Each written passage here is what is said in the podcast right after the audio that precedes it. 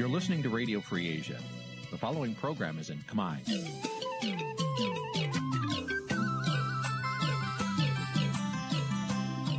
នេះជាកម្មវិធីផ្សាយ Vuthu Azizi Serai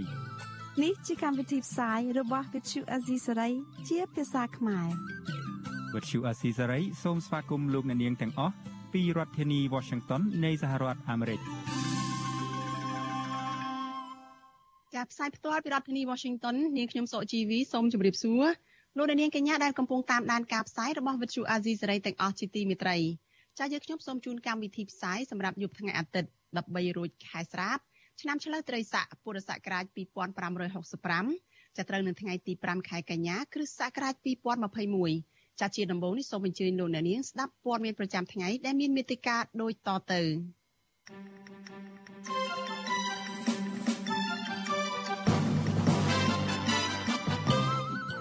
កម្មជនបកប្រឆាំងម្នាក់ភៀសខ្លួននៅប្រទេសថៃត្រូវជន់មិនស្គាល់មុខវាយឲ្យរបួសធ្ងន់ពលរដ្ឋមានបញ្ហាដីធ្លីម្នាក់ជាប់ឃុំនៅពន្ធនាគារខេត្តកណ្ដាលបានស្លាប់ក្រោយជូនទៅក្រោយបញ្ជូនទៅសង្គ្រោះបន្ទាន់នៅមន្ទីរពេទ្យ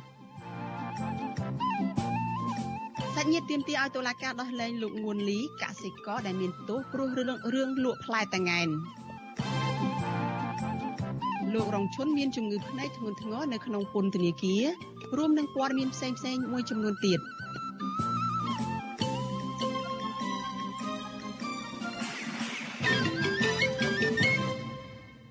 ចាជាបន្តទៅទៀតនេះនាងខ្ញុំសុជីវីសូមជូនព័ត៌មានពិស្ដាចលនានាងជាទីមេត្រីតកតនឹងការឆ្លងរាលដាលជំងឺ Covid-19 ចាអ្នកជំងឺ Covid-19 ចំនួន7អ្នកទៀតបានស្លាប់ ដែលធ្វើឲ្យករណីស្លាប់ដោយសារជំងឺនេះកើនឡើងដល់ជិត2000អ្នកហើយគិតត្រឹមថ្ងៃទី5ខែកញ្ញានេះចាចំពោះករណីឆ្លងថ្មីវិញគឺមានជាង400នាក់ក្នុងនោះជាង100នាក់គឺជាករណីនាំចូលពីក្រៅប្រទេសចាគិតត្រឹមព្រឹកថ្ងៃទី5ខែកញ្ញាកម្ពុជាមានអ្នកកើតជំងឺ Covid-19 សរុបជាង95,000នាក់ក្នុងនោះអ្នកដែលជាសះស្បើយមានប្រមាណ90,000នាក់ចាតតទៅនៅរឿងចាក់វ៉ាក់សាំងវិញចាក្រសួងសុខាភិបាលបានប្រកាសថា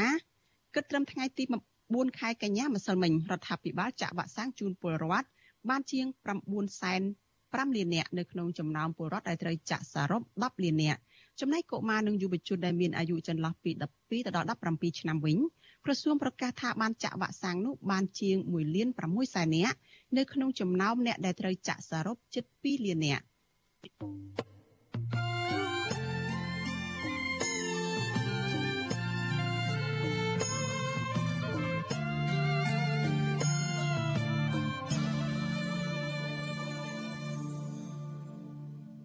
ចាលោកនាងជាទីមេត្រីសេចក្តីរាយការណ៍តកតនឹងសកម្មជនគណៈបកប្រឆាំងដែលកំពុងភៀសខ្លួននៅឯក្រៅប្រទេសឯនេះវិញចាសកម្មជនគណៈបកសង្គ្រោះជាតិម្នាក់ដែលកំពុងភៀសខ្លួននៅក្នុងប្រទេសថៃត្រូវជន់មិនស្គាល់មុខដែលមានគ្នា3នាក់លោកវាយឲ្យរបួសធ្ងន់ជាច្រើនកន្លែងនៅថ្ងៃទី5ខែកញ្ញានេះសកម្មជនរូបនេះចាត់ទុកអំពើហិង្សានេះថាជាស្នាដៃរបស់ក្រមរដ្ឋាភិបាលខ្មែរដើម្បីគម្រាមកំហែងទៅដល់ពួកគេដែលកំពុងតែគេចខ្លួននៅក្រៅប្រទេស ចាសសូមស្ដាប់សេចក្តីរាយការណ៍របស់លោកជាតិចំណានអំពីរឿងនេះសកម្មជនគណៈបកសង្គ្រោះជាតិខេត្តកំពង់ស្ពឺនិងជាជនរងគ្រោះលោកចឹមសុផាតត្រូវបានសកម្មជនគណៈបកប្រឆាំងដែលកំពុងភៀសខ្លួននៅប្រទេសថៃដូចគ្នាបញ្ជូនទៅសង្គ្រោះបន្ទាន់ភ្លាមភ្លាមក្រោយពេលដែលជនមិនស្គាល់មុខវាយបង្ករបួសស្នាមជនរងគ្រោះលោកចឹមសុផាតប្រាប់វិសុអេស៊ីសរ៉ៃក្រោយពេលកើតហេតុថាជនល្មើសមានគ្នា3នាក់បានបើករថយន្តសេរីទំនើបពណ៌ខ្មៅមួយគ្រឿងបានចាប់រុញលោកបញ្ជូនចូលក្នុងរថយន្តទាំងកំរោល ក្នុងពេលដែលលោកកំពុងធ្វើដំណើរតាមចិញ្ចើមផ្លូវនៅកណ្ដាលទីក្រុងបាងកកសកម្មជនវ័យ33ឆ្នាំរូបនេះបន្តថាពេលនោះជនល្មើសបានយកទឹកអាកុលបាញ់ចំភ្នែករួចវាយក្បាលនិងចាប់ដៃរបស់លោកគៀបជាប់នឹងទ្វារឡានបណ្ដាលឲ្យរងរបួសជាច្រើនកន្លែងលោកបន្ថែមថាជនល្មើសម្នាក់ក្នុងចំណោម3នាក់ដែលបានប្រើអំពើហិង្សានោះបាននិយាយភាសាខ្មែរគំរាមបាញ់សម្លាប់លោកដោយសារតែគាត់រើបំរាស់មិនព្រមចូលឡានរបស់ពួកគេលោកបញ្ជាក់ថាលោកបានរើបំរាស់រត់រួចក្រោយពេលដែលមានជនជាតិថៃម្នាក់ មកតននឹងបានសួរនាំលោកទើបក្រុមជនល្មើសទាំងនោះដោះលែងលោកវិញហើយនាំគ្នាបើកឡានគេចខ្លួនយ៉ាងលឿន ពេលហ្នឹងវារុញយើងចូលឡានខ្ញុំក៏ប្រឹងបន្ទុះសរាយជាមួយនឹងភ្នែករបស់ខ្ញុំនឹងព្រិលព្រិលខ្ញុំបន្ទុះតប់ជាមួយវាទៅក៏វាយយើងមកហើយប៉ុន្តែមិនដឹងថាវាយមកស្អីបងខ្ញុំគិតថាការធ្វើនេះគឺជាការរៀបចំរបស់រដ្ឋាភិបាលរបស់ក្រុងភ្នំពេញព្រោះបើជាជនជាតិថៃខ្ញុំមិនជឿថាគេគុំគួនខ្ញុំទេព្រោះខ្ញុំអត់ដែលមានរឿងអីជាមួយជនជាតិថៃផងឃើញមានអាសាគម្រាមមកខ្ញុំផ្ទាល់ថាបាញ់ខ្ញុំចោលសម្លាប់ខ្ញុំចាប់ខ្ញុំបញ្ជូនទៅខ្មែរខ្ញុំមានផុសតាងមានឯកសារនឹងទាំងអស់បងបាទដែលគេគម្រាមខ្ញុំមុនដែលកើតហេតុនេះបង លោកចំសុផាតជាយុវជនគណៈបកសង្គ្រោះជាតិខេត្តកំពង់ស្ពឺបានភៀសខ្លួនទៅប្រទេសថៃប្រមាណ3ឆ្នាំហើយដោយសារតែរបបក្រុងភ្នំពេញតាមធ្វើទុកបុកម្នេញលោកអំឡុងពេលភៀសខ្លួននៅប្រទេសថៃសកម្មជនរូបនេះតែងតែបង្ហោះសារនិងនិយាយតាមបណ្ដាញសង្គម Facebook រិះគន់រដ្ឋាភិបាលលោកហ៊ុនសែនជាបន្តបន្ទាប់បន្ថែមពីនេះលោកតែងតែចុះថតសកម្មភាពក្រុមយុវជនថៃធ្វើបាតកម្មនៅទីក្រុងបាងកកផ្សាយតាមបណ្ដាញសង្គម Facebook របស់លោកជាប្រចាំ សកម្មជនបកប្រឆាំងម្នាក់ដែលបានបញ្ជូនលោកចឹមសុផាតទៅមន្ទីរពេទ្យលោកខុនសធីប្រាប់ថាលោកចឹមសុផាត មានរបួសជាច្រើនកន្លែងដូចជាហើមក្បាល និងឈាមជើងជាដើម។ក្បាលនេះប្រហែលជាវាមាន3 4កន្លែងដូចយើងវាយក្បាលវាយក្បាលច្រើនដែរប៉ុន្តែគាត់ថាឃើញយើងឃើញពកឡើងឈាមហ្នឹងពី3កន្លែងបងឥឡូវខ្ញុំផតអីទៅផ្ញើទៅឲ្យមេធាវី គាត់ធ្វើបោះតាំងហើយជង្គង់បាល់ជង្គង់ហ្នឹងឈាមដាច់បាទជង្គង់ហ្នឹងវាលាត់ចេញឈាមហើយដៃអើមវិសុវស៊ីសេរីមិនអាចតាក់ទងមន្ត្រីទូតខ្មែរប្រចាំប្រទេសថៃនិងអ្នកនាំពាក្យអគ្គស្នងការនគរបាលជាតិដើម្បីសូមអត្ថាធិប្បាយជុំវិញពីការវាយសកម្មជនគណៈបកប្រឆាំងនេះបានទេនៅថ្ងៃទី5ខែកញ្ញាប៉ុន្តែអ្នកនាំពាក្យគណៈបកកណ្ដាលអំណាចលោកសុកអេសានប្រាប់វិសុអេស៊ីសរ៉ៃថារដ្ឋាភិបាលដែលដឹកនាំដោយគណៈបកប្រជាជនកម្ពុជា មិនបានទៅវាយធ្វើបាបសកម្មជនគណៈបកប្រឆាំងនៅប្រទេសថៃដូចជាការចោទប្រកាន់របស់ជនរងគ្រោះនោះទេបន្ថែមពីនេះលោកលើកទឹកចិត្តឲ្យជនរងគ្រោះប្តឹងទៅអាជ្ញាធរថៃដើម្បីចាប់ជនដៃដល់មកផ្ដន់ទាទោសតាមច្បាប់ប្រសើរជាងចោតប្រកាន់ទៅលើរដ្ឋាភិបាលកម្ពុជា អានឹងដូចចំនួនបោះឆ្នោតឆ្នាំ93ឆ្នាំ98អញ្ចឹងគ្រោះថ្នាក់ចរាចរណ៍ក៏ស្រ័យថាសមាជិកខ្ញុំអល់ឡើង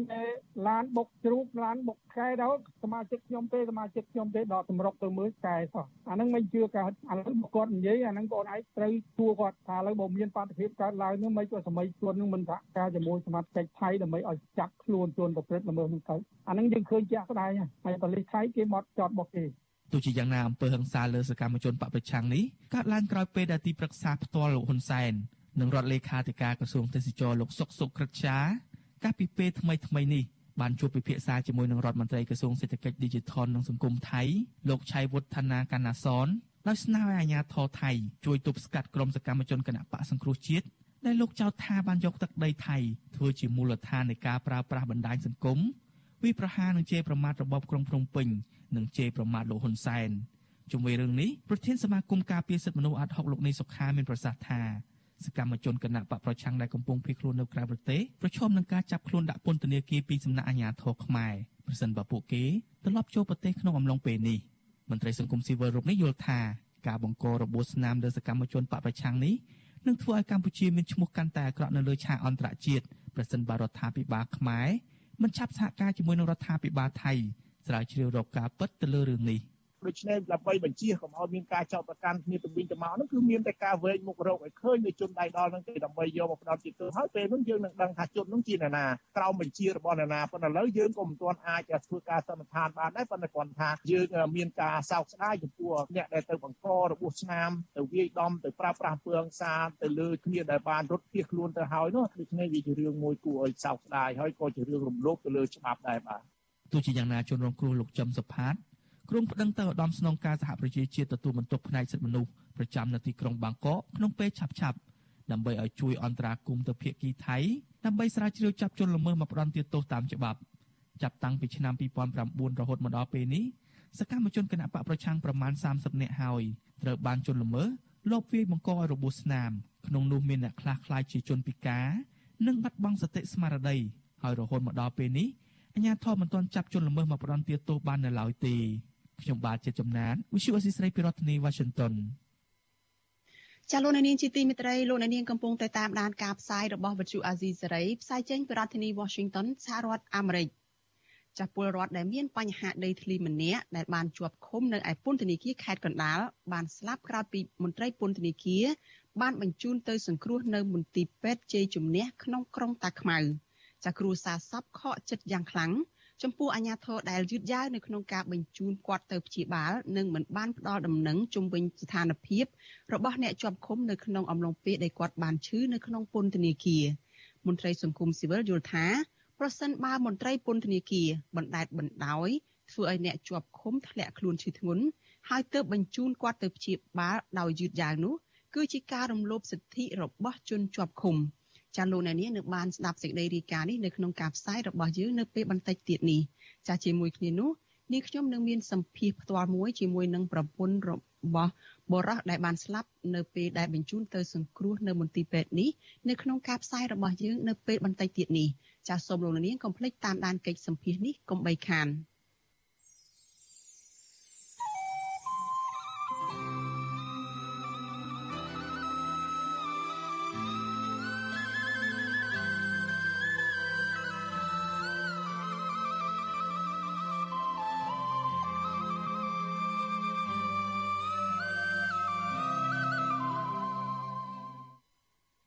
ចាលោកនាងជាទីមេត្រីសេចក្តីរាយការណ៍តកតងនឹងប្រធានគណៈបកសង្គ្រោះជាតិគឺលោកកឹមសុខាវិញម្ដងចាប្រធានគណៈបកសង្គ្រោះជាតិលោកកឹមសុខាដែលកំពុងតែជាប់បម្រាមនយោបាយ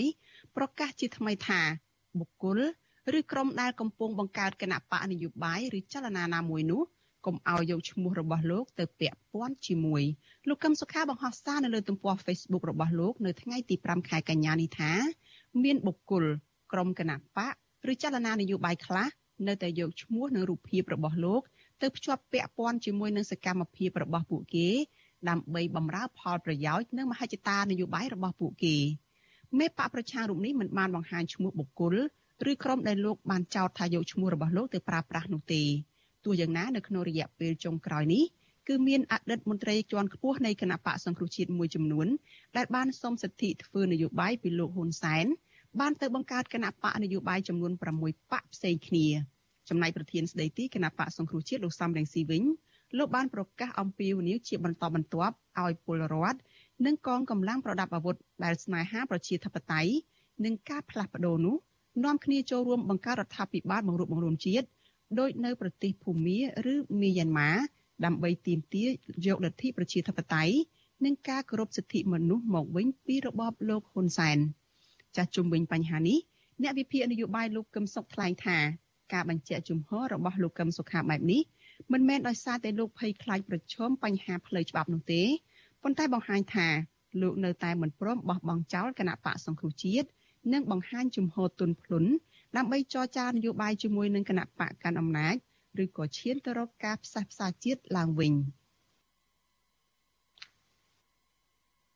ចាអ្នកវិភាគនយោបាយរូបនេះក៏បានជំរុញឲ្យលោកកឹមសុខាគួរតែប្រើប្រាស់សិទ្ធិនៅក្នុងនាមជាពលរដ្ឋដើម្បីថ្លែងសារពីបញ្ហាប្រទេសជាតិនិងប្រជាពលរដ្ឋឲ្យបានច្រើនជាងមុនទោះបីជាតុលាការរបបលោកហ៊ុនសែនបានដកហូតសិទ្ធិនយោបាយក៏ដោយលោកយល់ថាការរក្សាភាពស្ងៀមស្ងាត់របស់លោកកឹមសុខាដោយសពថ្ងៃនេះមិនមែនជាវិធីល្អនោះឡើយចាប់ប្រធានគណៈបកសង្គ្រោះជាតិលោកកឹមសុខាកំពុងជាប់ក្តីក្តាំនៅតុលាការពីបទសន្តិទ្ធិភាពឬក៏ការត្រូវរើគ្នាជាមួយបរទេស ដើម្បីផ្ដួលរំលំរដ្ឋាភិបាលរបស់លោកហ៊ុនសែនប៉ុន្តែរយៈពេល4ឆ្នាំមកនេះទាំងលោកហ៊ុនសែននិងតុលាការរបស់លោកមិនបានបង្ហាញភ័ស្តុតាងរឹងមាំដែលគ្រប់គ្រងទៅដល់ការចោទប្រកាន់លោកកឹមសុខានោះឡើយចាតុលាការរបបលោកហ៊ុនសែនដាក់លោកកឹមសុខាឲ្យស្ថិតនៅក្នុងការត្រួតពិនិត្យតាមផ្លូវតុលាការដោយមិនឲ្យលោកចាក់ចេញទៅក្រៅប្រទេស និងគ្មានសិទ្ធិធ្វើនយោបាយឡើយ។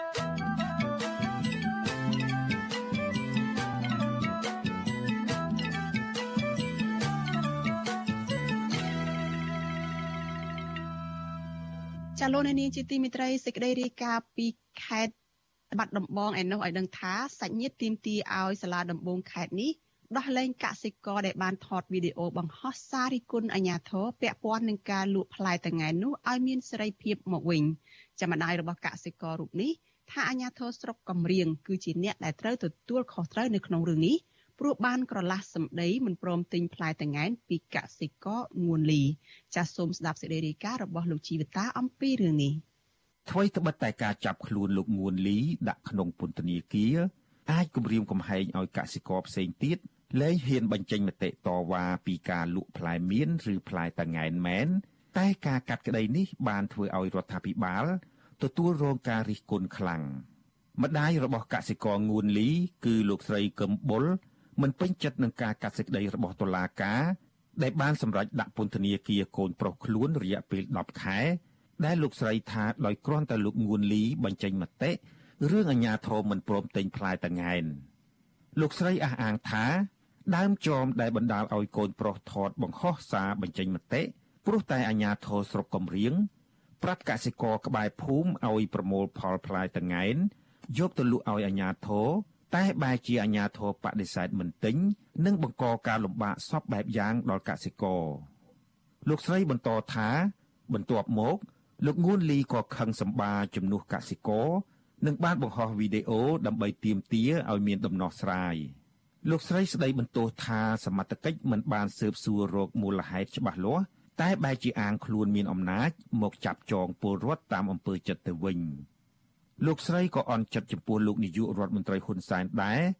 ព្រោះលោកបានបណ្ដោយឲ្យអាជ្ញាធរប្រព្រឹត្តអំពើអយុត្តិធម៌មកលើកូនប្រុសរបស់លោកស្រី។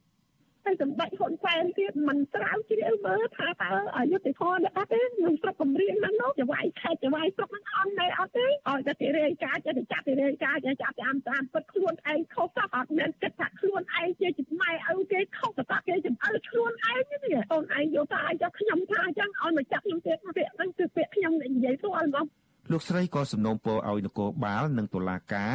ប្រគល់លុយនឹងទ្រព្យសម្បត្តិដែលរឹបអូសពីកូនប្រុសឲ្យលោកស្រីវិញ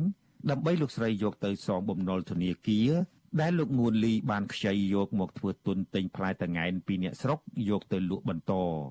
អាស៊ីសេរីមិនអាចសុំការឆ្លើយតបពីអ្នកនាំពាក្យនិងជាអភិបាលរងខេត្តបាត់ដំបង លោកសឿមប៊ុនរិទ្ធនិងស្នងការនគរបាលខេត្តលោកសាទកំសានបានទេ នៅថ្ងៃទី5កញ្ញា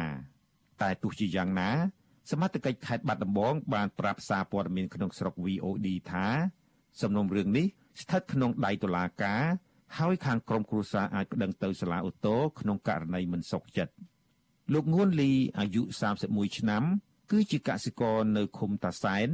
ដែលបានបង្ហោះសារវីដេអូកាលពីថ្ងៃទី21សីហាតាម Facebook បង្ហាញការមិនពេញចិត្តចំពោះអាញាធរខេត្តបាត់ដំបង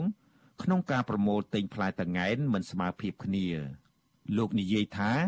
អាញាធរបានឲ្យប្រជាពលរដ្ឋបេះផ្លែតង្កែនទាំងនោះហើយប៉ុន្តែមិនបានទៅទិញយកពីពួកគាត់ពីថ្ងៃក្រោយការបង្ហោះសារនេះនគរបាលស្រុកកំរៀងបានចុះចាប់លោកងួនលីនិងកសិករម្នាក់ទៀតដល់ផ្ទះហើយបានឲ្យពួកគាត់និយាយសុំទោសចំពោះការចោទប្រកាន់លើចំណាត់ការប្រមូលទិញផ្លែមៀននិងផ្លែតង្កែនរបស់រដ្ឋាភិបាលទោះជាកសិករទាំងពីរនាក់ព្រមសុំទោសតែនគរបាលនៅតែបន្តចោទប្រកាន់លោកងួនលី ថាបង្ហោះសារញុះញង់បំផុសឲ្យកសិករភ័ន្តច្រឡំលើរដ្ឋាភិបាលនគរបាលបានបញ្ជូនលោកងួនលីទៅតុលាការហើយសាលាដំបងខេត្តបាត់ដំបងបានបើកចំណាត់ការរឿងនេះយ៉ាងឆាប់រហ័សដោយបើកសវនាការកាត់ក្តីលោកងួនលីភ្លាមភ្លាមទាំងគ្មានមេធាវីការពីក្តីឲ្យនិងសម្រេចផ្ដន្ទាទោសលោកដាក់ពន្ធនាគារ10ខែពីបទញុះញង់ឲ្យប្រព្រឹត្តបទឧក្រិដ្ឋជាអាតនៅថ្ងៃទី24សីហា ក្រមសង្គមស៊ីវិលហៅចំណាត់ការរបស់នគរបាលនិងតុលាការថាជាការគំរាមកំហែងនិងធ្វើឲ្យប៉ះពាល់ដល់សេរីភាពបញ្ចេញមតិ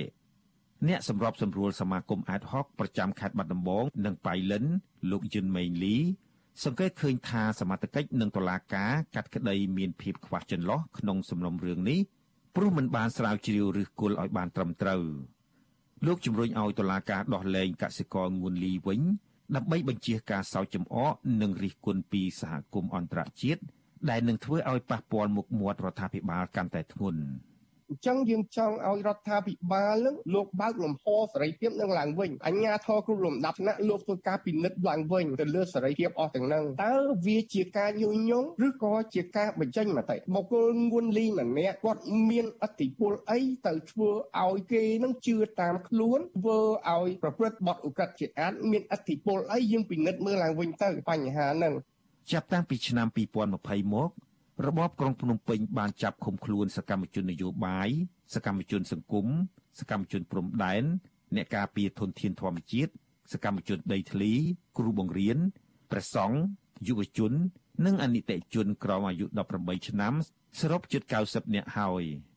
ពួកគាត់ភ័យច្រើនរងការចោទប្រកាន់ពីបទញុះញង់និងចូលរួមគំនិតក្បត់ប៉ុន្តែក្រុមអ្នកការពារសិទ្ធិមនុស្សជាតិនិងអន្តរជាតិ ហៅការចោទប្រកាន់ទាំងនោះថាជាចេតនាបង្ក្រាបលើសម្លេងរិះគន់និងសេរីភាពបញ្ចេញមតិពួកគេទាមទារឲ្យមានការដោះលែងសកម្មជនទាំងនោះវិញនិងគោរពសិទ្ធិពលរដ្ឋដោយដែលមានចែងក្នុងរដ្ឋធម្មនុញ្ញកម្ពុជា និងច្បាប់អន្តរជាតិដែលកម្ពុជាបានទទួលស្គាល់ខ្ញុំជីវិតាអាស៊ីសេរី ចាលោកនាងជាទីមេត្រីសាច់ញាតិរបស់លោករងឈុនឲ្យដឹងថាលោកកំពុងតែមានបញ្ហាភ្នែកធ្ងន់ធ្ងរនៅក្នុងពន្ធនាគារដែលទាមទារការព្យាបាលនៅក្រៅមន្ទីរពេទ្យពីគ្រូចាប់ពីគ្រូពេទ្យនៅឯក្រៅពន្ធនាគារចាមន្ត្រីសិទ្ធិមនុស្សជំរុញឲ្យអាជ្ញាធរពន្ធនាគារអនុញ្ញាតឲ្យមាននាំសហជីពរូបនេះបានចេញទៅសម្រាប់ព្យាបាលភ្នែកនៅខាងក្រៅដើម្បីកុំឲ្យស្ថានភាពជំងឺភ្នែករបស់គាត់នោះវិវត្តកាន់តែធ្ងន់ធ្ងរថែមទៀត។ ចាស់មន្ត្រីជាន់ខ្ពស់ផ្នែកពន្ធនាគារឆ្លើយតបថាអាញាធរនឹងមិនទុកអ្នកជាប់ឃុំណាម្នាក់ចោលនោះឡើយចាសសូមលោកនាងកុំភ្លេចតាមដានសេចក្តីរាយការណ៍នេះនៅក្នុងការផ្សាយរបស់យើងនៅពេលបន្តិចទៀតនេះ thank you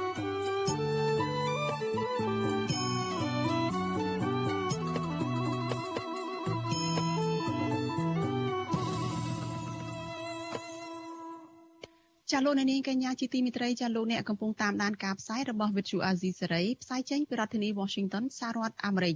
ចារឿងរ៉ាវពីបញ្ហារបស់អ្នកជាប់ឃុំនេះដែរចាពលរដ្ឋដែលមានបញ្ហាដីធ្លីម្នាក់ដែលជាប់ឃុំនៅពន្ធនាគារនៅក្នុងខេត្តកណ្ដាលបានស្លាប់ក្រោយដែលមន្ត្រីពន្ធនាគារបានបញ្ជូនគាត់ទៅសង្គ្រោះបន្ទាន់នៅមន្ទីរពេទ្យជ័យជំនះនៅក្នុងក្រុងតាខ្មៅ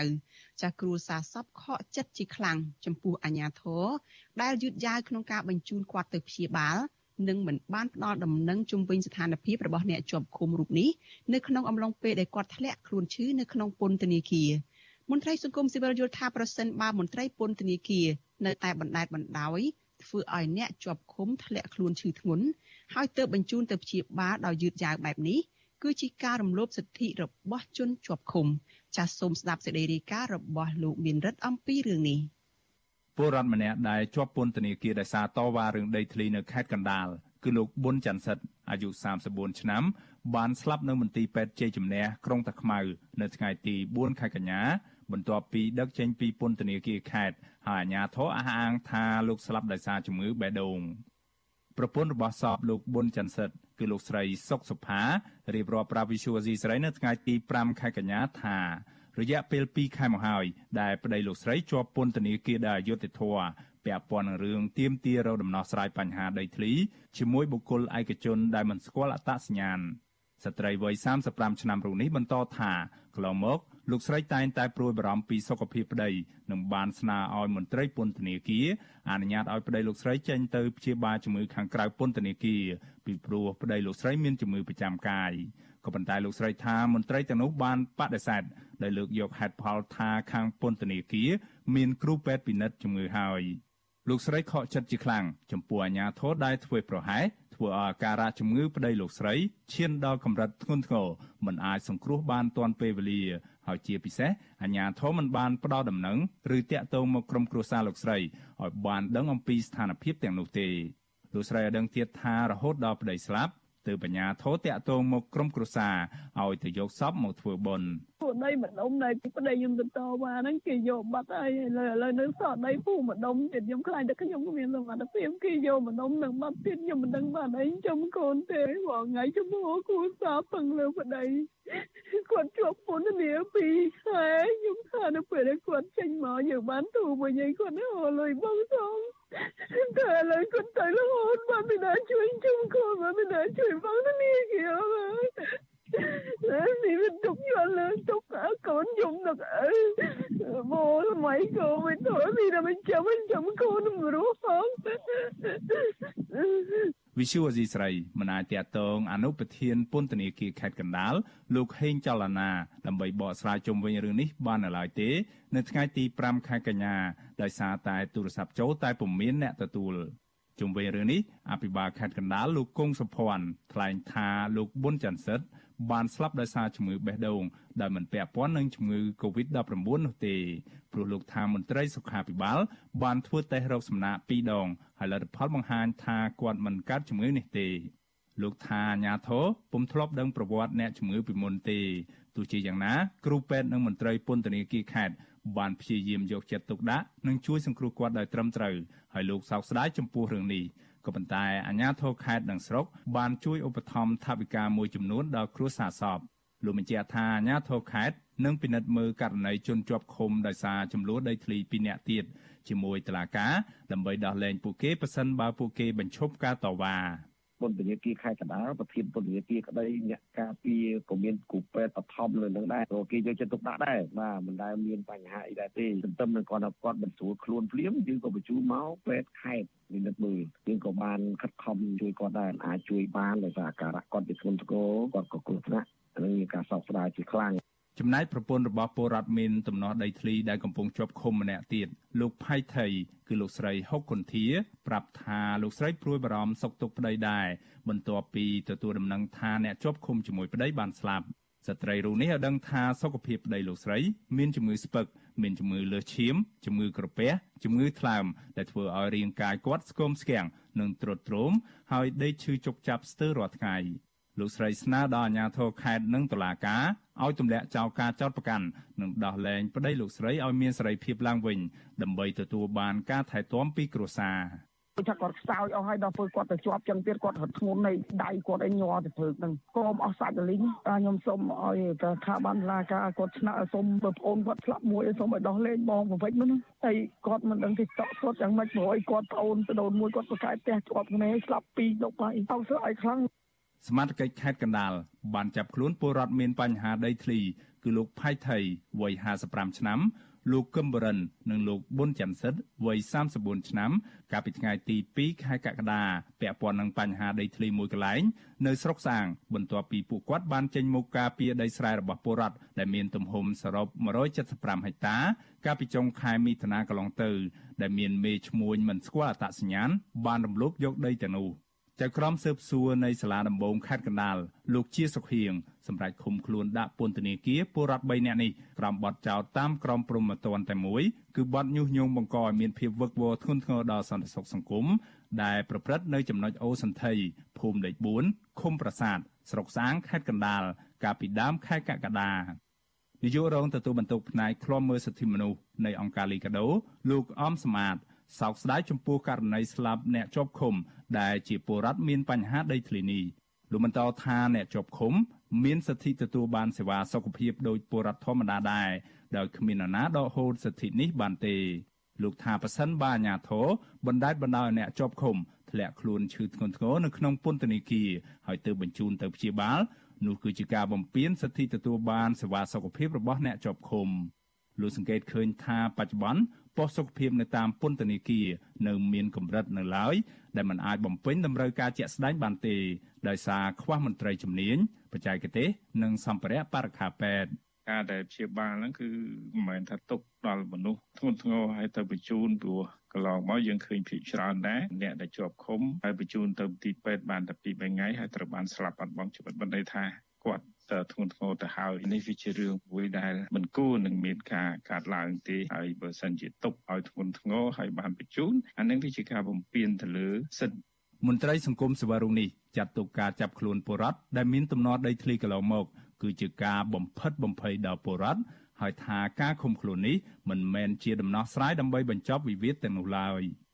ប្រពន្ធរបស់សពលោកប៊ុនច័ន្ទសិទ្ធរៀបរាប់ទាំងក្តុកក្តួលថា គ្រួសាររបស់លោកស្រីឈឺចាប់ខ្លោចផ្សាជាខ្លាំងដោយសារតែអាញាធមមិនបានជួយដោះស្រាយវិវាទដីធ្លីហើយក៏ប៉ុន្តែបែរជាចាប់ប្តីរបស់លោកស្រីយកទៅដាក់ឃុំឃាំងទាំងអយុធធររហូតដល់ធ្លាក់ខ្លួនឈឺស្លាប់នៅក្នុងពន្ធនាគារខ្ញុំបានមេរិត Visual C ស្រីរាយការណ៍ពីរដ្ឋធានី Washington ចាលោកនាងប្រិមិត្តជាទីមេត្រីចានៅក្នុងរឿងនេះចាខាងបច្ចុប្បន្នអាស៊ីសេរីបានតាក់ទងទៅប្រពន្ធរបស់លោកប៊ុនច័ន្ទសិទ្ធចាគឺលោកស្រីសុកសុផាចាដើម្បីឲ្យលោកស្រីបានចូលមកជជែកនៅក្នុងកម្មវិធីផ្សាយរបស់យើងនេះចាលោកស្រីចូលមកជជែកក្នុងកម្មវិធីនេះតាមប្រព័ន្ធទូរស័ព្ទចាជំរាបសួរលោកស្រីសុកសុផាចាចាជំរាបសួរអ្នកខែចា លោកស្រីសុកសុផាចាសូមចូលរួមសោកស្ដាយនិងចូលរួមរំលែកទុក្ខគ្រួសារសពរបស់លោកស្រីផងចំពោះការបាត់បង់លោកប៊ុនច័ន្ទសិទ្ធដែលជាបង្គោលគ្រួសារនៅពេលនេះចាចាសូមអរគុណអ្នកគ្រូហើយអស់អស់អរគុណដល់វិទ្យុអស៊ីសេរីដែលបានតែមកតាក់ទងប្អូនចា ហើយតើរឿងរ៉ាវនឹងយ៉ាងម៉េចឮថាមិនបានដឹងថាប្តីនឹងឈឺនៅក្នុងពន្ធនាគារទេតើយ៉ាងម៉េចបានជាទៅដល់ធ្ងន់ធ្ងររហូតដល់គាត់ស្លាប់នៅពេលនេះអញ្ចឹងចាពីមុនពីមុនពេលដែលប្តីខ្ញុំឈឺគាត់តាក់ទងមកគាត់ប្រាប់ថាអថាអើយប្តីឯងឈឺអើយចូលដេកពេទ្យមណ្ឌលសុខភាពនៅពន្ធនាគារហ្នឹងហើយគាត់ផ្ដល់ដំណឹងឲ្យខ្ញុំរហូតថ្ងៃដែលគាត់ចូលក៏គាត់ផ្ដល់ដំណឹងថ្ងៃដែលគាត់ចេញពីពន្ធនាគារនៅក្នុងហ្នឹង មណ្ឌលសុខភាពនៅក្នុងពន្ធនាគារហ្នឹងក៏គាត់ប្រាប់ដែរណាប្តីខ្ញុំតាំងពីចូលពន្ធនាគារហ្នឹងចូលមណ្ឌលសុខភាពហ្នឹងពីរដងហើយអ្នកគ្រូអើយចាគាត់ចូលលើកនេះចាទៅលើកនេះនៅពេលដែលគាត់ទេមកគាត់ប្រាប់ថាអាអាអាផាអើយប្តីឯងគេបញ្ជូនទៅអឺមន្ទីរពេទ្យបងឯកអឺ ជ័យជំនះនៅទីតាខ្មៅឯងទៅមើលប្តីឯងទៅហើយខ្ញុំសួរលោកគ្រូអើយប្តីខ្ញុំជឿអីក៏ថាឯងទៅទៅយកតាតាមញាណប័ណ្ណទៅនៅពេលដែលខ្ញុំយកតាញាណប័ណ្ណទៅនឹងទៅដល់មាត់ទ្វារពេទ្យពេទ្យថានោះទៅមើលប្តីប្តីបិទភ្នែកបាត់អីខ្ញុំគឺទៅគង់នៅមុខពេទ្យហ្នឹងតាហើយទៅចង់ទៅជួបមុខប្តីក៏មកទៅដេទៅដល់ពីអ្នកកូនទៅមើលទៅដល់ឃើញប្តីស្លាប់បាត់ហើយអើយ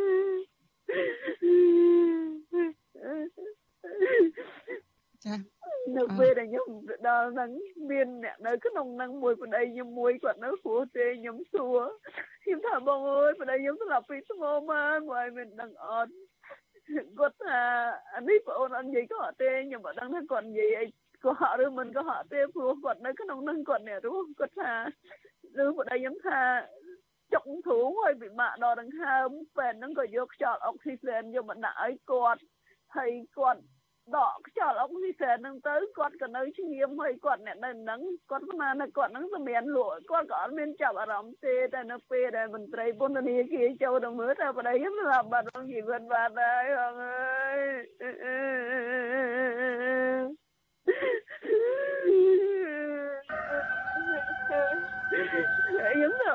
គាត់ស្លាប់មកមកមកមិនដឹងអត់គាត់ថាគាត់អត់ដឹងទេអឺគាត់មានលក់ដែរតែនៅពេលដែលមន្ត្រីពន្ធនាគារហ្នឹងគាត់ថាប្តីខ្ញុំស្លាប់ម៉ោង5ជាភ្លើងថ្ងៃ4ចាអញ្ចឹងបានន័យថាពេលដែលមន្ត្រីពន្ធនាគារទូរស័ព្ទទៅប្រាប់ប្អូនសុផាហ្នឹងគឺប្តីរបស់ប្អូននឹងបានស្លាប់រួចទៅហើយណោះ ប្តីខ្ញុំបានស្លាប់រួចទៅហើយគាត់តែមកប្រាប់ម៉ោង5ជាងថ្ងៃទី4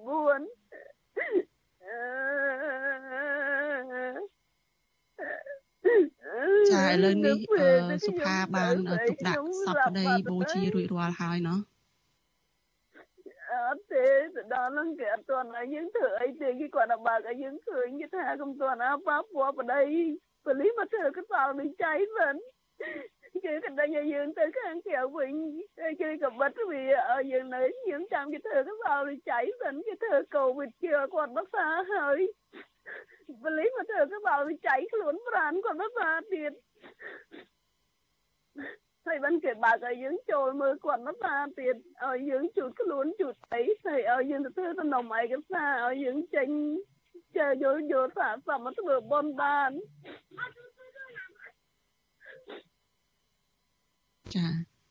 ហើយឥឡូវនេះបូជាសពរួចរាល់ហើយណោះបូជាសពរួចរាល់ហើយអ្នកគ្រូអើយចាសុផាឃើញមានកូនតូចនៅក្នុងរូបថតនឹងតើមានកូនប្រមាណនាក់ហើយត្រូវទទួលបន្ទុកចិញ្ចឹមកូននឹងយ៉ាងម៉េចទៅ មានរបងអីពីថ្ងៃនេះទៅអ្នកគួរខ្ញុំនិយាយគាត់ទេខ្ញុំមានកូនស្រីមួយកូនប្រុសមួយកូនប្រុសអាយុ11ឆ្នាំកូនស្រីអាយុ4ឆ្នាំរាល់ថ្ងៃខ្ញុំមានមុខរបរលក់ទឹកពៅនិងលក់បន្លែទិញទួយតែនៅពេលដែលប្តីខ្ញុំនៅរស់គាត់បានខ្ចីលុយអង្គការលុយធនាគារយកមកមើលថែថែជំងឺគាត់ហើយជ្រោស៊ីបន្តិចបន្តួចនៅពេលដែលគេចាប់គាត់ទៅ មុខរបររស់ស៊ីគាត់លក់ដូរទឹកសុទ្ធទឹកអីគាត់កម្មករទឹកសុទ្ធហ្នឹងក៏គេគេគេគេលែងយកគេលែងអីក៏ក៏លែងមានប្រាក់ចំណូលចូលហើយខ្ញុំត្រូវទទួលបន្ទុកចិញ្ចឹមកូនពីរនៅបង់ធនាគារអស់រយៈពេល2ថ្ងៃនឹងខ្ញុំសង្ឃឹមថាគេហៅប្តីខ្ញុំកាត់ក្តីហើយប្តីខ្ញុំនឹងបានរួចទោសដើម្បីចេញមករកស៊ីសងបំណុលគេទៀតតែម៉ែខ្ញុំមិនបានចេញមកប្តីខ្ញុំបានស្លាប់ក្នុង ដែលសម្រាប់ក្នុងមន្ទីរពេទ្យលែងបានជំមុខវារហូត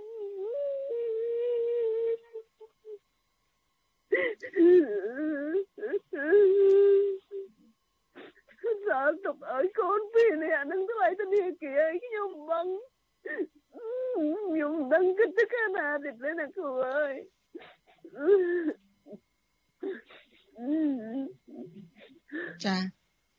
សុផាចុះរឿងរ៉ាវចំនួនដីធ្លីនឹងយ៉ាងម៉េចចាពេលនេះតើអាចបានដីដែលប្តីខំការពារខំតវ៉ានឹងទេមើលទៅខ្ញុំអត់ដឹងទេបងអើយព្រោះខ្ញុំគឺជាកូនភាសាហើយដីនឹងបើតាមខ្ញុំការចាប់ដៃជាមួយគាត់មកគឺវា10ឆ្នាំជាងហើយតែខ្ញុំឃើញតែគាត់ថាដីនឹងបោះគាត់ដីនឹងបោះគាត់គាត់តែងទៅកាន់កាប់រាល់ឆ្នាំគាត់តែងទៅកាប់ស្មៅកាប់អីតែគាត់បានទៅប្រមូលផលទេ ខ្ញុំឃើញតែគាត់ចុះទៅកាប់ស្មៅបងប្អូនថ្លៃខ្ញុំទៅប្រហែលទៅចុះទៅកាប់តែមិនដឹងមករយៈនឹងប្រហែលជា4 5ឆ្នាំក្រោយមកឬថាបទ្រុបត្រាខ្លាំងណាស់ឲ្យទៅពេលមានគេអត្រាចុះទៅឈូសឆាយដីនឹងប្រជាជនដែលមានដីនៅក្នុងនឹងទេប្រហែលនាំគ្នាទៅពាំងនាំគ្នាទៅការពារដីអត់ឲ្យអត្រាឈូសឆាយលើដីចការបស់គាត់ទេព្រោះគាត់ថាដីយ៉ាងដីរបស់គាត់រឿងហេតុអីមកឈូសឆាយដំណាំផលប្រយោជន៍របស់គាត់នៅពេលថ្ងៃចុងក្រោយនោះ ឬអ្នកស្រុកពេថាសិតអើយឯងចូលទៅគេដោះស្រាយអើយភូមិឃុំគេហៅយើងទៅសម្រួលគ្នាទៅជែកគ្នាខ្ញុំលឺតែប៉ុណ្្នឹងទេដល់ពេលថ្ងៃទី3បានដំណឹងថាគេចាប់ប្តីខ្ញុំយកទៅដាក់ឃុំបាត់ហើយតែខ្ញុំស្មានតែគេនឹងគាត់ណាយើងទៅណែនាំទៅបងអើយដល់ពេលថ្ងៃច័ន្ទខ្ញុំទៅជួបគេគេថាគេដាក់យើងចូលពន្ធនាគារហើយយើងមិនអាចដល់លេងយើងបានទេ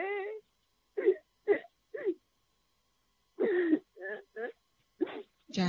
ដូច្នេះថ្ងៃនោះគឺជាថ្ងៃចុងក្រោយហើយដែលសុផាបានឃើញប្តីពេលនឹងចាប់ពីពេលចាប់ពីពេលនឹងមកមិនបានឃើញប្តីទៀតទេរហូតដល់គាត់ស្លាប់នេះខ្ញុំអត់ដែលបានឃើញប្តីទេតាំងពីថ្ងៃទី2ដែលគេគាត់គាត់ចុះទៅស្រុកគេចាប់គាត់ដាក់ពន្ធនាគារខ្ញុំឮអ្នកដែលនៅយាមប៉ុនហ្នឹងថាគេបញ្ជូនគាត់ទៅថ្ងៃ4ក្នុងពន្ធនាគារហ្នឹងអត់ដែលបានឃើញមុខទេបានឮតែសំឡេងទេបងអើយ ចាអញ្ចឹងអឺតើអឺចំពោះដីនឹងមានសារៈសំខាន់អីយ៉ាងម៉េចចំពោះគ្រួសារប្អូនបានជានាំគ្នាការពារតតាំងអីយ៉ាងនឹងរហូតគេចាប់ដាក់ពន្ធនាគារព្រោះតែរឿងដីនឹងអីអញ្ចឹងចា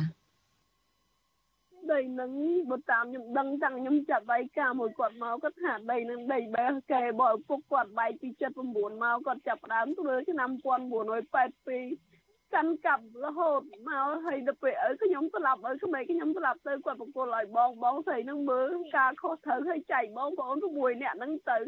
ហើយខ្ញុំអត់ដឹងថាដីហ្នឹងប្រវត្តិយ៉ាងម៉េចអីយ៉ាងម៉េចខ្លះទេតែខ្ញុំដឹងថាឲ្យដល់ពេលទឹកស្រក់វិញប្តីខ្ញុំតែងតែនាំគ្នាទៅកាប់ឆ្កាព្រៃហ្នឹងឲ្យដើម្បីកុំឲ្យមានរឹសធំធំវាវាវាកើតឡើងនៅលើដីហ្នឹងរំយើងពិបាកគាត់ឬនៅពេលដែលយើងធ្វើដំណាំធ្វើអីទៅ វាវាវាអស់ចំណាយអស់ដើមទុនច្រើនខ្ញុំដឹងតែប៉ុណ្្នឹងទេតែដីនឹងខ្ញុំឃើញបងប្អូនថ្លៃខ្ញុំទៅខ្ញុំគ្នាទៅធ្វើស្មៅធ្វើអីរាល់ឆ្នាំឲ្យទឹកស្រកវិញណាគ្រូអើយហើយព្រោះតែដីនឹងធ្វើឲ្យប្តីខ្ញុំស្លាប់ណាគ្រូអើយទុកកូនពីមិននៅពេញខ្លួន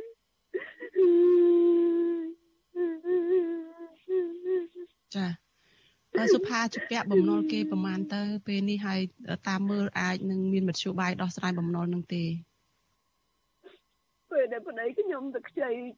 បំណុលពីធនាគារប្តីខ្ញុំសុខភាពមិនទៅល្អហើយគាត់ប្រាប់ថាគាត់ខ្ចីយកមកទិញរបស់រស់ស៊ីខ្លះនឹងមើលខ្លួនខ្លះដល់ពេលយើងខ្ចីហើយយើងសងបានគេបានខ្លះខ្លះហើយអ្នកគួយការដែលប្តីខ្ញុំខ្ចីគឺ5000ដុល្លារ ដោយសារយើងការហើយមានដីនៅភូមិនឹងម្ដុំគេយើងឃើញយើងមានសំអាងគេក៏ឲ្យយើងខ្ចីគាត់ថាគាត់គឺជាមេគ្រួសារគាត់នៅររ៉ាប់រងគាត់នៅររ៉ាប់រងគេក៏ប្រឌិតមេដៃប្រឌិតអីយើងខ្ចីឥឡូវមេគ្រួសារស្លាប់បាត់ហើយបងអើយខ្ញុំមិនដឹងដល់ស្រាយយ៉ាងម៉េចទេខ្ញុំខ្លាចតែខ្ញុំគ្មានលុយបង់ធនាគារគេយកដីម្ដុំទៀត ដីម្ដងធ្វើឲ្យប្តីខ្ញុំស្លាប់បាត់ហើយឥឡូវដីម្ដងធ្វើឲ្យខ្ញុំស្លាប់ទៀតមិនដឹងយ៉ាងម៉េចទេព្រោះតែការពារ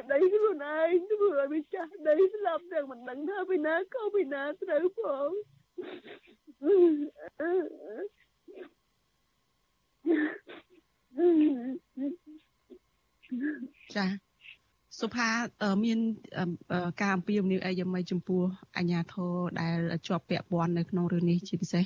អ្នកដែលបានចាប់ឃុំខ្លួនគាត់អ្នកដែលបានបណ្ដេតបណ្ដោយឬក៏មិនបានព្យាបាលគាត់ឲ្យបានត្រឹមត្រូវរហូតដល់គាត់ស្លាប់នៅពេលនេះចា៎ ខ្ញុំអត់ដឹងពេលវេលាអីទេបងអើយព្រោះខ្ញុំក៏អត់ដឹងថាក្នុងនឹងវាមានបញ្ហាអីកើតឡើងឬក៏វាមានអីកើតឡើងទេ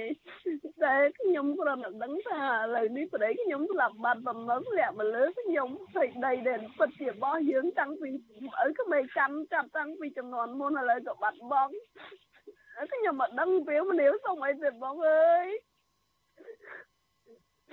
នៅហងៃ កុំបងអើពីនឹកឃើញតែម្ដាយបានចេញមកវិញយើងបានអលុយសងគេឥឡូវកូនអត់ឪពុកប្រពន្ធរត់ប្ដីពងើសនីគានឹងហូបចុកហួខែអងថ្ងៃនៅកូនចង់យករៀនខ្ញុំមិនដឹងទៅដល់វាយ៉ាងម៉េចទេចា ចាអរគុណច្រើនលោកស្រីសុកសុផាចាដែលបានផ្ដល់ការសម្ភាសនៅយុគនេះចាពេលនេះលោកស្រីនិងគ្រួសារនឹងកំពុងតែមានទុក្ខធ្ងន់ណាស់ចាគឺមេគ្រួសារនឹងបាត់បាត់បាត់បាត់បាត់បង់ជីវិតហើយស្ទើរតែមិនបានជួបមុខគ្នារយៈពេលដល់ទៅ2ខែមកនេះនៅពេលដែលគាត់ជាប់ពន្ធនាគារនឹងចាសូមអរគុណច្រើនដែលបានផ្ដល់ការសម្ភាសនៅយុគនេះបើទោះបីជាកំពុងតែមានទុក្ខធ្ងន់ យ៉ាងណាក៏ដោយនឹងចាចានេះខ្ញុំសូមបួងសួងនិងឧទ្ទិសសូមឲ្យវិញ្ញាណក្ខន្ធរបស់លោកប៊ុនច័ន្ទសិទ្ធនឹងបានទៅដល់សុគតិភពចាស់ហើយជូនពរឲ្យសុខភាពល្អលោកស្រីសុផាចាចាខ្ញុំសូមអរគុណណាស់បងអើយសូមជូនពរបងបានក្តីសុខស្នុកសុខសប្បាយតែខ្ញុំសូមជម្រាបនាងបងប្អូនតបដល់ទួបងអើយពេលនេះខ្ញុំកំពុងនៅវេទនាដោយស្រីបាត់បង់ជីវិតត្រូវការចិញ្ចឹមកូន ដល់ទៅ2នាក់ប្រាក់បងទៅនេះគេទៀតហើយខ្ញុំសុំពេលម្នាក់តាមមិនគេកាត់ក្តីបើប្តីខ្ញុំបិទខ្ញុំស្មោះត្រង់មែនសូមឲ្យវិញ្ញាណកម្មគាត់ឲ្យបានស្លាប់កុំឲ្យស្លាប់ទៅដែលមានទោសទណ្ឌជាប់ក្នុងខ្លួនតទៅទៀតព្រោះគាត់គាត់បានកាត់សម្ដីហងគាត់បានស្លាប់បាត់អើយបងអើយ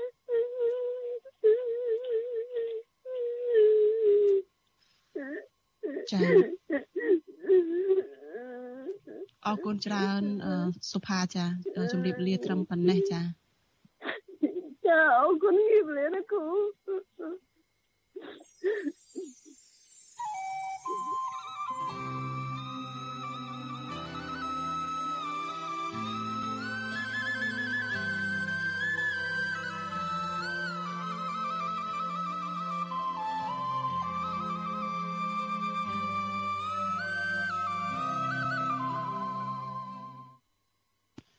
ចាលោកនាងកញ្ញាជាទីមេត្រីចារឿងរ៉ាវរបស់អ្នកជាប់ពន្ធនាគារនេះដែរចាសាច់ញាតិរបស់លោករងឈុនឲ្យដឹងថាលោកកំពុងតែមានបញ្ហាភ្នែកធ្ងន់ធ្ងរនៅក្នុងពន្ធនាគារ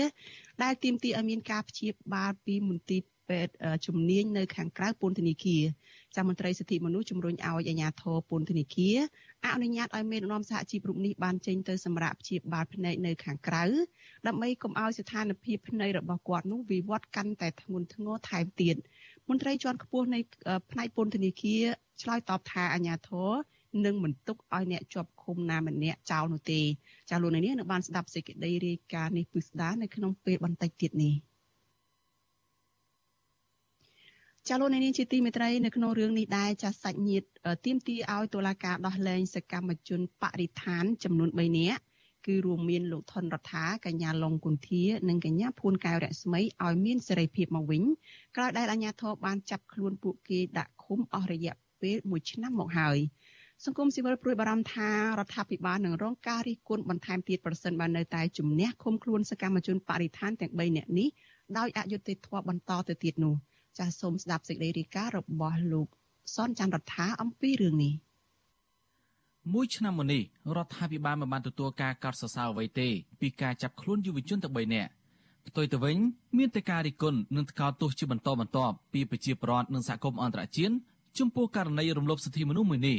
បងប្រុសកញ្ញាភុនការស្មីគឺលោកភុនពុទ្ធរិទ្ធឲ្យដឹងថារយៈពេល1ឆ្នាំមកនេះក្រុមគ្រួសារលោកឈឺចាប់ខ្លាំងណាស់ដោយសារតែការចាប់ឃុំខ្លួនប្អូនស្រីដោយអយុត្តិធម៌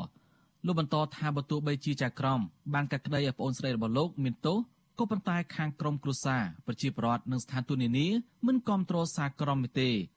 លោកនៅតែគ្រប់គ្រងសកម្មភាពប្អូនស្រីនិងសកម្មជនបរិស្ថានផ្សេងទៀតដែលកំពុងចាប់ឃុំហើយទទូចឲ្យតុលាការដោះលែងពួកគេឲ្យមានសេរីភាពឡើងវិញដោយគ្មានលក្ខខណ្ឌ វាអយុត្តិធម៌ក្រុមគ្រួសារមិនដែលទទួលយកហើយទាំងយុវជនទាំងអីគេតែងតែគោរពកោតសារនៅសកម្មភាពពួកគាត់ណាដែលគាត់ចេញមុខក្លាហានក្នុងនាមជាយុវជនទៅខាងនេះទាំងអស់ហ្នឹងអញ្ចឹងគេមានតែលើកទឹកចិត្តគេមានតែគ្រប់គ្រងគេមានតែអំពាវនាវទៅរដ្ឋាភិបាលតុលាការហ្នឹងឲ្យដោះលែងពួកគាត់មកវិញមកហើយជួយលើកទឹកចិត្តឲ្យយុវជនទាំងអស់ហ្នឹងធ្វើការងារនឹងបន្ថែមទៀតនគរបាលរាជធានីភ្នំពេញបានចាប់ខ្លួនសកម្មជនបរិស្ថាន13នាក់រួមមានលោកថនរដ្ឋាកញ្ញាឡុងកុនធា និងកញ្ញាភុនការស្មី កាលពីថ្ងៃទី3ខែកញ្ញាឆ្នាំ2020បន្ទាប់ពីកញ្ញាឡុងកុនធាប្រកាសពីគម្រោងស្លៀកពាក់ពណ៌សដើរពីវត្តភ្នំទៅកាន់ភូមិគ្រឹះលោកនាយករដ្ឋមន្ត្រីហ៊ុនសែន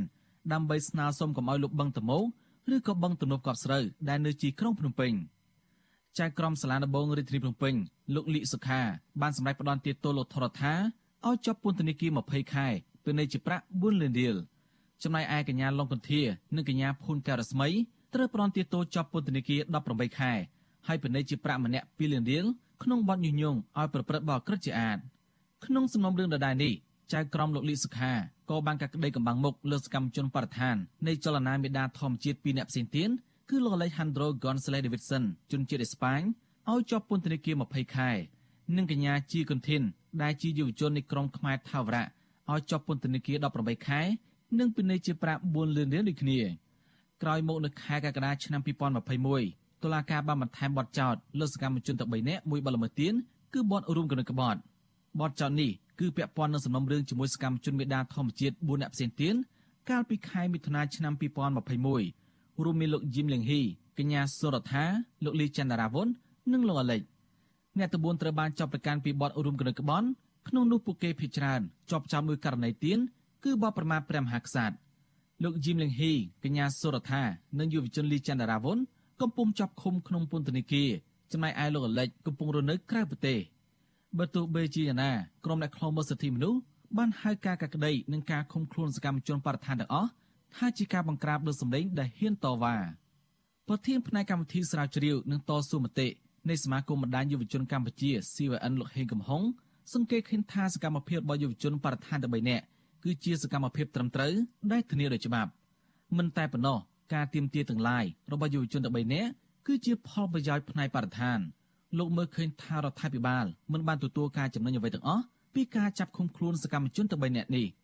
អ្នកខ្លមើលសិទ្ធិយុវជនរំនេះលើកទឹកចិត្តឲ្យសមាជិកដោះលែងយុវជន13នាក់នេះវិញ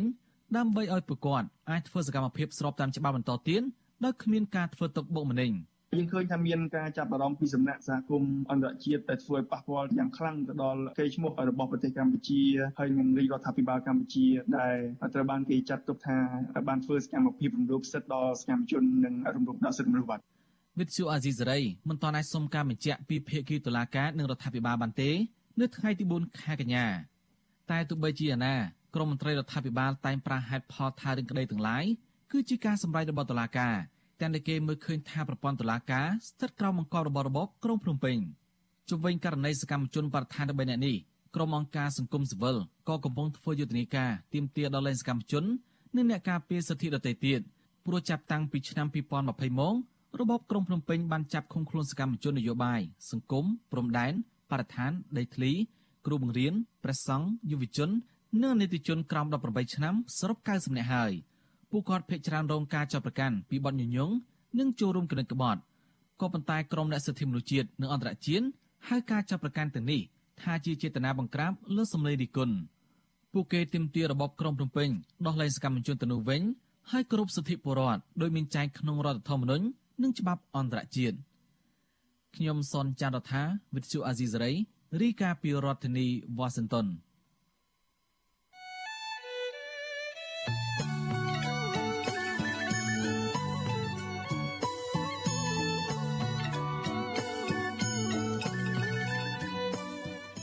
លលោកអ្នកនាងជាទីមេត្រីចាលោកអ្នកនាងអាចស្ដាប់វិទ្យុអាស៊ីសេរីដំណើរគ្នានឹងការផ្សាយតាមបណ្ដាញសង្គម Facebook និង YouTube នេះចាតាមរយៈវិទ្យុរលកធាតុអាកាសខ្លីបង SW ចាតាមកម្រិតនិងកម្ពស់ដូចតទៅនេះពេលព្រឹកចាប់ពីម៉ោង5កន្លះដល់ម៉ោង6កន្លះតាមរយៈរលកធាតុអាកាសខ្លី9940 kHz ស្មើនឹងកម្ពស់ 30m ពេលយប់ចាប់ពីម៉ោង7កន្លះដល់ម៉ោង8កន្លះ តាមរយៈរលកធាតុអាកាសខ្លី9960 kHz ស្មើនឹងកម្ពស់ 30m និង11240 kHz ស្មើនឹងកម្ពស់ 25m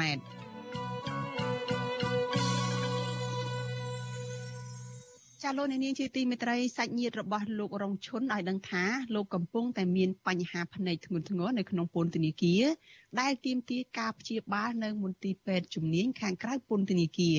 ចាស់មន្ត្រីសិទ្ធិមនុស្សជំរុញឲ្យអាជ្ញាធរខាងពន្ធនាគារនោះអនុញ្ញាតឲ្យមេដឹកនាំសហជីពរូបនេះបានចេញទៅសម្រាកព្យាបាលភ្នែកនៅខាងក្រៅដើម្បីកុំឲ្យស្ថានភាពជំងឺភ្នែករបស់លោកវិវត្តកាន់តែធ្ងន់ធ្ងរបន្ថែមទៀតចាស់មន្ត្រីជាន់ខ្ពស់ផ្នែកពន្ធនាគារឆ្លើយតបថាអាជ្ញាធរនឹងមិនទុកអ្នកជាប់ឃុំណាម្នាក់ចោលនោះទេចាសសូមស្ដាប់សេចក្តីរាយការណ៍របស់លោកមួងណារ៉េតអំពីរឿងនេះ សាច់ញាតិនិងមនុស្សចំណិតរបស់លោករងឈុនព្រួយបារម្ភជាខ្លាំងអំពីសុខភាពភ្នែករបស់លោកពីព្រោះមួយរយៈពេលចុងក្រោយនេះលោកមើលអ្វីមិនសូវច្បាស់និងមានអាការៈស្រវាំងភ្នែកជាប្រចាំពួកគេទទូចដល់អាជ្ញាធរពន្ធនាគារអនុញ្ញាតឲ្យលោករងឈុនបានចេញមកពិនិត្យនិងព្យាបាលជំងឺភ្នែកនេះនៅមន្ទីរពេទ្យខាងក្រៅពន្ធនាគារទៅតាមការស្នើសុំរបស់គាត់ ក្មួយប្រុសរបស់លោករងឈុនគឺលោករងវិជាឲ្យវិទ្យុអាស៊ីសេរីដឹងថាជំងឺភ្នែកពូរបស់លោក បានធ្វើទុកតាំងពីខែមេសាហើយគាត់ធ្លាប់បានស្នើសុំទៅអាជ្ញាធរពន្ធនាគារដើម្បីចេញមកព្យាបាលនៅខាងក្រៅដែរក៏ប៉ុន្តែខាងអាជ្ញាធរបានបដិសេធក្រោមហេតុផលថាជំងឺ Covid-19 កំពុងតែផ្ទុះរីករាលដាលខ្លាំងលោកបញ្ជាក់ថាថ្មីថ្មីនេះពូរបស់លោកបានស្នើសុំទៅខាងពន្ធនាគារជាថ្មីម្ដងទៀត ព្រោះស្ថានភាពជំងឺភ្នែករបស់គាត់ បានវិវត្តកាន់តែធ្ងន់ធ្ងរភ្នែកគាត់ហ្នឹងមើលទៅយើងស្វាងស្វាងមើលអត់សូវច្បាស់ព្រាលខ្លាំងមុនវងអើយតែមកខាងរៀងខ្លាំងប៉ុន្តែភ្នែកបើកាលណាអត់បានព្យាបាលទុកយូរទៅយើងបារម្ភខ្លាចវាឆ្លងប៉ះពាល់អើយទៅទាំងពីរអញ្ចឹងណាលោករងវិជាឲ្យដឹងថាលោករងឈុនមានបញ្ហាភ្នែកនេះច្រើនឆ្នាំមកហើយហើយគាត់តែងតែបានទៅពិនិត្យព្យាបាលជាប្រចាំ ក៏ប៉ុន្តែនៅក្រោយពេលជាប់ឃុំជាង1ឆ្នាំមកនេះគាត់ខកខានទទួលបានការព្យាបាលទើបធ្វើឲ្យអាការៈប្រែជាធ្ងន់ធ្ងរដូចពេលនេះលោកស្នើយ៉ាងទទូចដល់អាជ្ញាធរអនុញ្ញាតឲ្យពូរបស់លោកបានចេញមកពិនិត្យនិងព្យាបាលភ្នែកនៅមន្ទីរពេទ្យជំនាញដើម្បីកុំឲ្យស្ថានភាពជំងឺកាន់តែធ្ងន់ធ្ងរជាងនេះ ប្រធានសមាគមគ្រូបង្រៀនកម្ពុជាឯករាជ្យនិងជាសហការីជិតស្និទ្ធរបស់លោករងឈុនគឺអ្នកស្រីអុកឆាយាវីថ្លែងថាអ្នកស្រីមិនចាំច្បាស់ថាលោករងឈុនមានបញ្ហាភ្នែកនេះតាំងតែពីពេលណាមកនោះទេក៏ប៉ុន្តែអ្នកស្រីអះអាងថាភ្នែករបស់លោករងរបួសដោយសារតែសកម្មភាពបង្ក្រាបរបស់អាជ្ញាធរនៅពេលដែលលោកដឹកនាំការប្រមូលផ្ដុំទាមទារអត្ថប្រយោជន៍ឲ្យកម្មករកាត់ដេរអ្នកស្រីអុកឆាយាវី មានប្រសាសន៍ទៀតថាការផ្ដន់ទាទោសនឹងការឃុំខ្លួនលោករងឈុន ជាង1ឆ្នាំមកនេះប្រៀបបានទៅនឹងការដាក់ទណ្ឌកម្មគាត់រួចទៅហើយដូច្នេះអ្នកស្រីទទូចដល់អាជ្ញាធរពន្ធនាគារឲ្យបញ្ជូនគាត់ទៅព្យាបាលភ្នែកនៅខាងក្រៅឲ្យបានទាន់ពេលវេលាកន្លងមកតាអ្នកជួញដូរគ្រឿងញៀនធំបំផុតក៏ជាប់ឃុំបានតែប្រមាណទៅដេកជាបាលដែរចុះលោករងឈុនហ្នឹងធ្វើអីបំផ្លាញស្អីដល់ប្រទេសជាតិអញ្ចឹងគួរតែអនុញ្ញាតឲ្យគាត់ទៅព្យាបាលជំងឺតាមអ្វីដែលគាត់ឈឺជាក់ស្ដែងទៅ ជុំវិញរឿងនេះអគ្គនាយករងនិងជាអ្នកនាំពាក្យអគ្គនាយកដ្ឋានពន្ធនាគារនៃក្រសួងមហាផ្ទៃលោកនុតសាវណ្ណាមានប្រសាសន៍ថាលោកមិនទាន់បានទទួលព័ត៌មានលម្អិតអំពីបញ្ហាភ្នែកនិងសំណើរបស់លោករងឈុននេះនៅឡើយទេក៏ប៉ុន្តែលោកអះអាងថាអាញាធរពន្ធនាគារនឹងមិនទុកបដ ாய் ឲ្យលោករងឈុនឬក៏អ្នកជាប់ឃុំដទៃទៀតមានបញ្ហាសុខភាពធ្ងន់ធ្ងរនោះទេដោយអាញាធរនឹងបញ្ជូនពួកគាត់ទៅព្យាបាលនៅមន្ទីរពេទ្យខាងក្រៅប្រសិនបើចាំបាច់ គាត់មិនអាចរើសពេទ្យណាពេទ្យណាតាមទង្វើចិត្តគាត់បានទេអញ្ចឹងយើងមើលពេទ្យដែលជាដៃគូរបស់គណៈយុឋានពន្ធនាគារជាពិសេសគឺពេទ្យរដ្ឋយើងអត់ទុកឲ្យគាត់មានបញ្ហាទេអញ្ចឹងមុំចាំបាច់ស្នើអីច្រើនទេណាតែគេបញ្ជូនគេបញ្ជូនហើយបើទោះបីជាយ៉ាងនេះក្តីជំវិញការបញ្ជូនអ្នកជាប់ឃុំទៅព្យាបាលនៅមន្ទីរពេទ្យខាងក្រៅពន្ធនាគារនេះ សាធារណជននិងក្រុមអ្នកការពារសិទ្ធិមនុស្សតែងតែរិះគន់អាជ្ញាធរចំពោះការអនុវត្តមិនស្មើភាពគ្នាលើអ្នកជាប់ឃុំដោយសារតែមូលហេតុនយោបាយនិងអក្រិតជនដែលបានប្រព្រឹត្តអំពើល្មើសធំៗដែលមានលុយមានអំណាចចំណុចមិនស្មើភាពគ្នានោះគឺពួកអក្រិតជនខ្លះទោះជាត្រូវតឡាការផ្ដន្ទាទោសដាក់ពន្ធនាគារពីបទឃាតកម្មឬជួញដូរគ្រឿងញៀនទ្រង់ទ្រាយធំក៏ដោយក៏ពួកគេមិនបានជាប់ឃុំនៅក្នុងពន្ធនាគារតាមអំណាចសាលក្រមរបស់តឡាការនោះដែរ ជាទាហរណ៍អុកញ៉ាថោងសារ៉ាត់ដែលត្រូវបានតឡាការក្រុងភ្នំពេញផ្ដន្ទាទោសដាក់ពន្ធនាគារអស់មួយជីវិតក្នុងរឿងក្តីបាញ់សម្លាប់លោកអុកញ៉ាអឹងមីងជឺកាលពីឆ្នាំ2015នោះបានជាប់ឃុំនៅក្នុងពន្ធនាគារមិនដល់មួយសប្តាហ៍ផងរួចក៏ត្រូវបានគេបញ្ជូនមកស្នាក់នៅបន្ទប់ VIP ក្នុងមន្ទីរពេទ្យខាងក្រៅពន្ធនាគារវិញរហូតទាល់តែសាលាធរសម្រេចដោះលែងឲ្យនៅក្រៅឃុំនៅខែវិច្ឆិកាឆ្នាំ2019 រីឯបងប្រុសបង្កើតរបស់អង្គការគិតមេងគឺលោកគិតធៀងវិញតឡាការក្រុងភ្នំពេញបានកាត់ទោសលោកឲ្យជាប់ពន្ធនាគារ4ឆ្នាំក្នុងករណីជួញដូរគ្រឿងញៀនជិត50គីឡូក្រាមក៏ប៉ុន្តែលោកជាប់ឃុំបានប្រមាណកន្លះខែក៏ត្រូវបានគេបញ្ជូនឲ្យទៅស្នាក់នៅក្នុងបន្ទប់ VIP នៅមន្ទីរពេទ្យខាងក្រៅពន្ធនាគារដែររហូតតតែសាលាធរកាត់តម្រឹមទោសត្រឹម2ឆ្នាំហើយដោះលែងលោកនៅឆ្នាំ2021នេះអង្គការទាំងពីររូបអាចរស់នៅក្រៅពន្ធនាគារបានយូរតាមចិត្ត ដោយសារតែហេតុផលសុខភាពនេះឯងញាតិអ្នកជាប់ឃុំនៅក្នុងសំណុំរឿងនយោបាយអ្នកទោសមនសិការវិញបើទោះបីជាពួកគេមានជំងឺធ្ងន់ធ្ងរឬរ៉ាំរ៉ៃនឹងបានស្នើសុំទៅអាជ្ញាធរយ៉ាងណាក្តីក៏មិនងាយទទួលបានការអនុញ្ញាតឲ្យទៅព្យាបាលជំងឺនៅខាងក្រៅនោះដែរ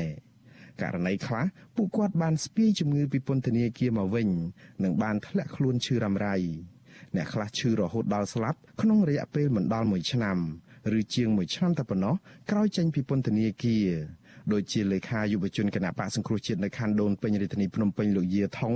និងសមាជិកក្រុមប្រឹក្សាជាប់ឆ្នោតគណៈបកសង្គ្រោះជាតិនៅឃុំបារាយខេត្តកំពង់ធំលោកស៊ុនប៊ុនថនជាដើមជាមួយរឿងនេះនាយករងទទួលបន្ទុកផ្នែកខ្លំមើលសិទ្ធិមនុស្សនៃអង្គការលីកាដូលោកអមសំអាត មានប្រសាសន៍ថាអ្នកជាប់ឃុំបាត់បង់សិទ្ធិសេរីភាពជាក់លាក់មួយចំនួនដូចជាសេរីភាពដើរហើរជាដើមក៏ប៉ុន្តែសិទ្ធិដទៃទៀត នៅតែត្រូវបានធានាដោយពលរដ្ឋទូទៅដែរជាពិសេសសិទ្ធិទទួលបានសេវាថែទាំសុខភាពលោកយល់ថាអាញាធរពន្ធនាគារគួរតែអនុញ្ញាតឲ្យលោករងឈុនបានទៅពិនិត្យព្យាបាលនៅមន្ទីរពេទ្យខាងក្រៅពីព្រោះនៅក្នុងពន្ធនាគារមិនមានគ្រូពេទ្យឯកទេសផ្នែកនោះទេ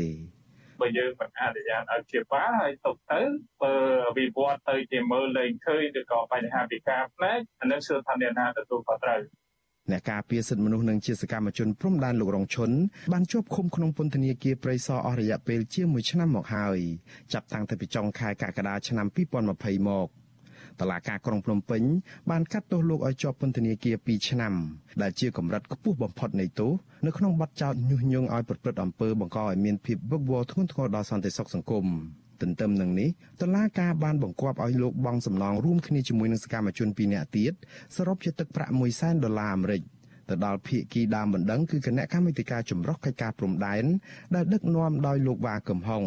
ជាមន្ត្រីជាន់ខ្ពស់គណៈបកប្រជាជនកម្ពុជាការចាប់ខ្លួននិងការផ្ដន់ទាទោសលោករងឈុននេះគឺដោយសារតែលោកបានបញ្ចេញមតិរិះគន់បញ្ហាព្រំដែនកម្ពុជាវៀតណាមដែលជារឿងដ៏រសើបសម្រាប់របបដឹកនាំរបស់លោកហ៊ុនសែន បើទោះបីជាយ៉ាងនេះក្តីការផ្ដន់ទាទោសលើលោករងឈុននេះបាននាំមកនូវការថ្កោលទោសពីគ្រប់មជ្ឈដ្ឋានពីព្រោះវាមានន័យស្មើនឹងការដាក់ទោសលើសេរីភាពបញ្ចេញមតិយ៉ាងដូចនេះដែរសាច់ញាតិនិងមន្ត្រីអង្គការសង្គមស៊ីវិលលើកឡើងថាលោករងឈុនបានលះបង់កម្លាំងកាយចិត្តដើម្បីបបផែតសិទ្ធិមនុស្សលទ្ធិប្រជាធិបតេយ្យនិងបូរណភាពទឹកដីអស់រយៈពេលរាប់សិបឆ្នាំមកហើយដូច្នេះរដ្ឋាភិបាលមិនគួរតបស្នងគាត់វិញដោយការដាក់ទណ្ឌកម្មបែបនេះនោះទេ ពួកគេស្នើយ៉ាងទទូចដល់អាជ្ញាធរឲ្យទម្លាក់ចោលបទចោទប្រកាន់និងដោះលែងលោករងឈុនឲ្យមានសេរីភាពវិញដើម្បីគាត់អាចវិលត្រឡប់មកធ្វើការងារជាអ្នកការពារសិទ្ធិមនុស្សនិងផលប្រយោជន៍សម្រាប់ប្រជាពលរដ្ឋខ្មែរបន្តទៅទៀតខ្ញុំបាទមួងណារ៉េត With you Azizari ប្រធានាធិបតី Washington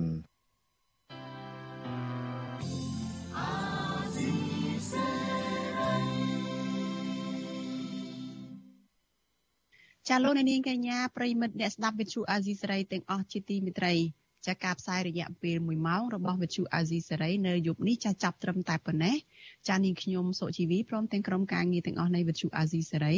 ចាសូមជូនពរដល់លោកនាងកញ្ញានិងក្រុមគ្រួសារទាំងអស់ឲ្យជួបប្រកបតែនឹងសេចក្តីសុខចម្រើនរុងរឿងកុំបីឃ្លៀងឃ្លាតឡើយចានាងខ្ញុំសុជីវីព្រមទាំងក្រុមការងារទាំងអស់នៃវិទ្យុអាស៊ីសេរីចាសូមអរគុណនិងសូមជម្រាបលា